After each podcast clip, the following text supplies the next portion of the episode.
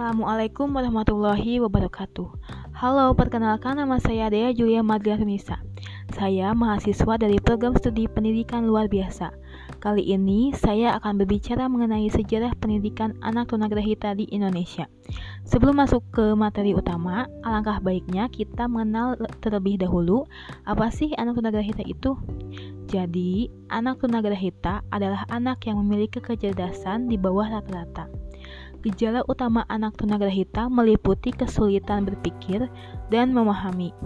Setelah mengenal anak tunagrahita, sekarang mari kita masuk ke materi utama, yaitu sejarah pendidikan anak tunagrahita di Indonesia. Pendidikan anak tunagrahita di Indonesia dapat ditinjau dalam tiga fase perkembangan, yaitu yang pertama masa sebelum abad ke-20, yang kedua, masa sebelum Perang Dunia Kedua. Yang ketiga, masa sesudah Indonesia merdeka. Yang akan saya bahas pertama yaitu masa sebelum abad ke-20. Lahirnya anak tunagrahita disebabkan oleh para roh, kekuatan gaib, dan para dewa yang menghendaki seseorang menjadi cacat. Hal itu katanya ada hubungannya dengan keberuntungan anak yang bersangkutan. Lahirnya seorang anak tunagrahita mungkin merupakan petanda bahwa kekuatan-kekuatan supernatural marah atau memberi cobaan. Atau mungkin karena kekuatan-kekuatan supernatural akan memberikan rezeki yang lebih banyak kepada anak yang bersangkutan atau kepada keluarganya. Pada zaman pemerintahan Hindia Belanda, Indonesia mengenal dua jenis pendidikan, yaitu yang pertama yang diselenggarakan oleh pemerintah atau sekolah negeri. Yang kedua yang diselenggarakan oleh masyarakat atau sekolah swasta. Kebanyakan sekolah-sekolah swasta yang diselenggarakan oleh tokoh-tokoh agama atau para kiai, lembaga pendidikan yang diselenggarakan oleh para kiai itu disebut pesantren. Berbeda dengan sekolah-sekolah yang diselenggarakan oleh pemerintah, di pesantren menganut dua ciri yang penting yaitu beranggapan bahwa setiap orang wajib belajar. Yang kedua, mempergunakan tutor dan melaksanakan prinsip individualisasi pengajaran. Kedua prinsip pendidikan pesantren itu penting bagi anak luar biasa termasuk anak tunagrahita. Karena dalam prinsip yang pertama telah mengakui bahwa setiap orang tidak kecuali penyandang cacat berhak mendapat pendidikan ini sesuai dengan Undang-Undang RI Nomor 2 Tahun 1989. Sesuai pula dengan prinsip-prinsip PBB atau UNESCO tentang Universal Education and Education for All. Pada prinsip yang kedua yaitu prinsip tutor dan individualisasi pengajaran. Pesantren-pesantren itu telah menunjuk tutor-tutor yaitu santri-santri senior yang telah kemajuan untuk membantu mengajar adik-adik kelasnya. Bantuan tersebut pada umumnya dilaksanakan secara individual atau dalam kelompok kecil. Prinsip tutor ini berarti melaksanakan sistem individualisasi pengajaran, yaitu melaksanakan pengajaran dengan cara menyesuaikan bobot dan tingkat bahan pelajaran kepada tingkat kemajuan dan kemampuan peserta didik. Prinsip individualisasi pengajaran ini mempunyai peran penting dalam pendidikan dan pengajaran bagi anak tunagrahita khususnya dan umumnya pada semua anak berkelainan. Meskipun pada masa sebelum abad ke-20 di Indonesia belum melaksanakan pendidikan anak cacat secara melembaga. Masa ini ditandai dengan berkembangnya pemeliharaan terhadap anak dan orang dewasa yang cacat termasuk penyandang tunagrahita. Namun, sesuai dengan prinsip bahwa menuntut ilmu wajib bagi semua orang, tidak mustahil ada penyandang cacat misalnya tunagrahita mengikuti pendidikan di pesantren bersama-sama dengan rekan-rekan yang normal. Ini berarti sudah melaksanakan prinsip pendidikan terpadu. Yang kedua, masa sebelum Perang Dunia Kedua. Dalam permulaan abad ke-20, pemerintah Hindia Belanda telah mempunyai beberapa sekolah khusus untuk anak-anak bumi putra. Di antaranya sekolah desa yang lamanya 3 tahun dan ada sekolah sambungan yang lamanya 2 tahun. Sebuah sekolah HIS yang lamanya 6 tahun dan 7 tahun. Ada juga sekolah lanjutan seperti sekolah guru 2 tahun. Dan ada pula yang 4 tahun lamanya. Setelah sekolah rendah 5 tahun, HIK untuk tamatan dari HIS dan ada juga sekolah lanjutan umum lainnya dan sebagainya. Ada juga sekolah khusus untuk anak-anak orang Belanda dan Eropa lainnya, yang juga boleh diikuti oleh anak bumi putra yang orang tuanya mempunyai jabatan tertentu pada pemerintah Belanda. Untuk tingkat sekolah rendahnya ialah ELS dan ada juga sekolah lanjutannya seperti HBS.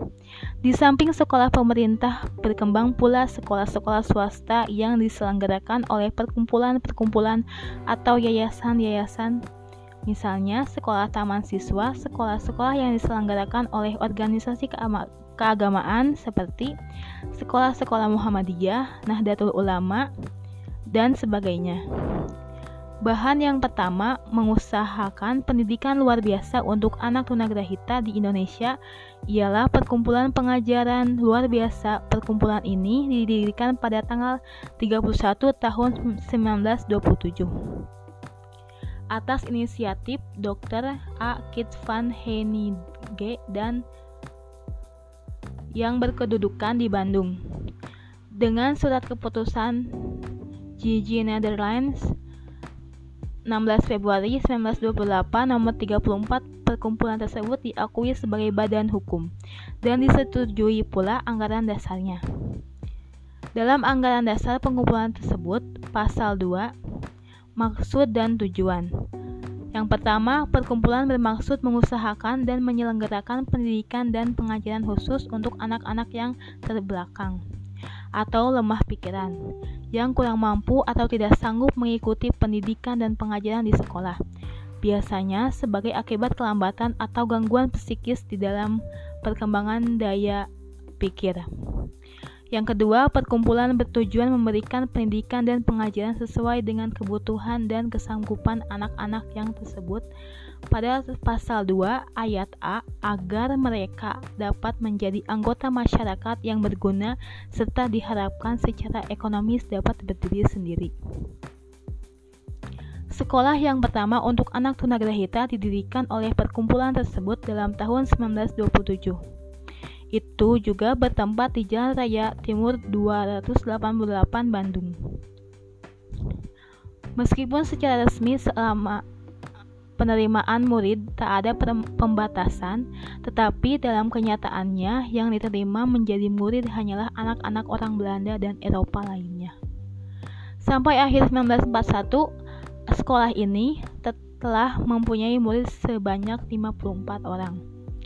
Dalam brosur perkumpulan tersebut dinyatakan pula tentang sistem pengajaran yang diberikan ialah sistem individualisasi pengajaran, yaitu murid-murid mendapat bahan pelajaran sesuai dengan keterbatasan tingkat kemampuan dan kemajuan yang dicapai.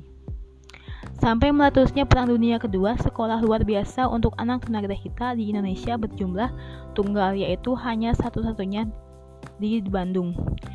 Pada waktu pendudukan Jepang,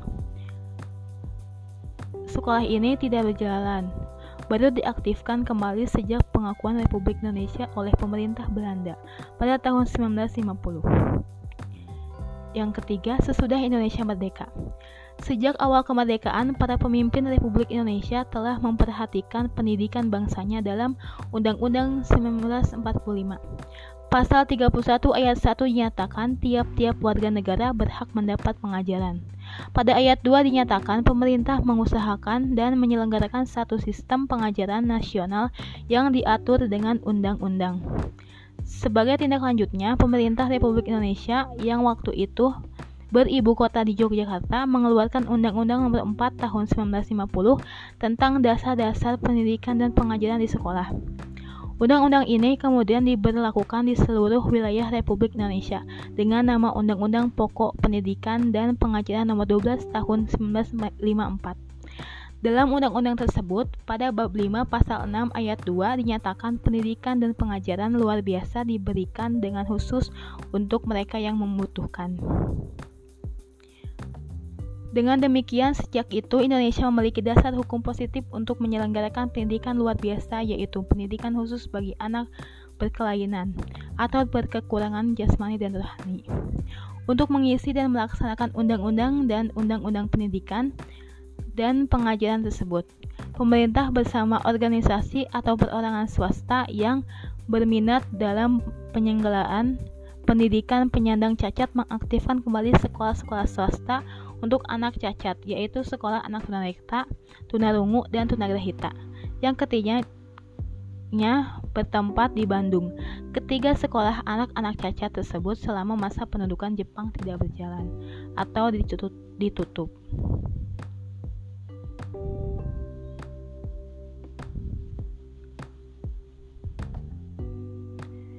Banyak usaha yang telah dilakukan di Indonesia, baik pemerintah maupun badan sosial swasta ataupun organisasi profesional bersama-sama mengimbangkan pendidikan luar biasa di Indonesia, termasuk pendidikan anak tunagrahita, dapat diketahui dari data yang ada menunjukkan bahwa lembaga-lembaga dan sekolah-sekolah untuk anak cacat di Indonesia meningkat terus. Peningkatan pengembangan di pendidikan luar biasa di Indonesia lebih pesat lagi setelah perencanaan wajib belajar oleh Bapak Presiden Soeharto karena wajib belajar berlaku untuk semua warga. Tidak terkecuali warga yang berkelainan, baik wajib belajar yang semua untuk tingkat sekolah dasar maupun wajib belajar yang dicanangkan kemudian untuk tingkat pendidikan dasar. Demikian pembahasan mengenai sejarah pendidikan anak hita di Indonesia. Saya ucapkan terima kasih kepada para pendengar yang sudah mendengarkan podcast ini dari awal sampai akhir. Saya pamit undur diri. Wassalamualaikum warahmatullahi wabarakatuh.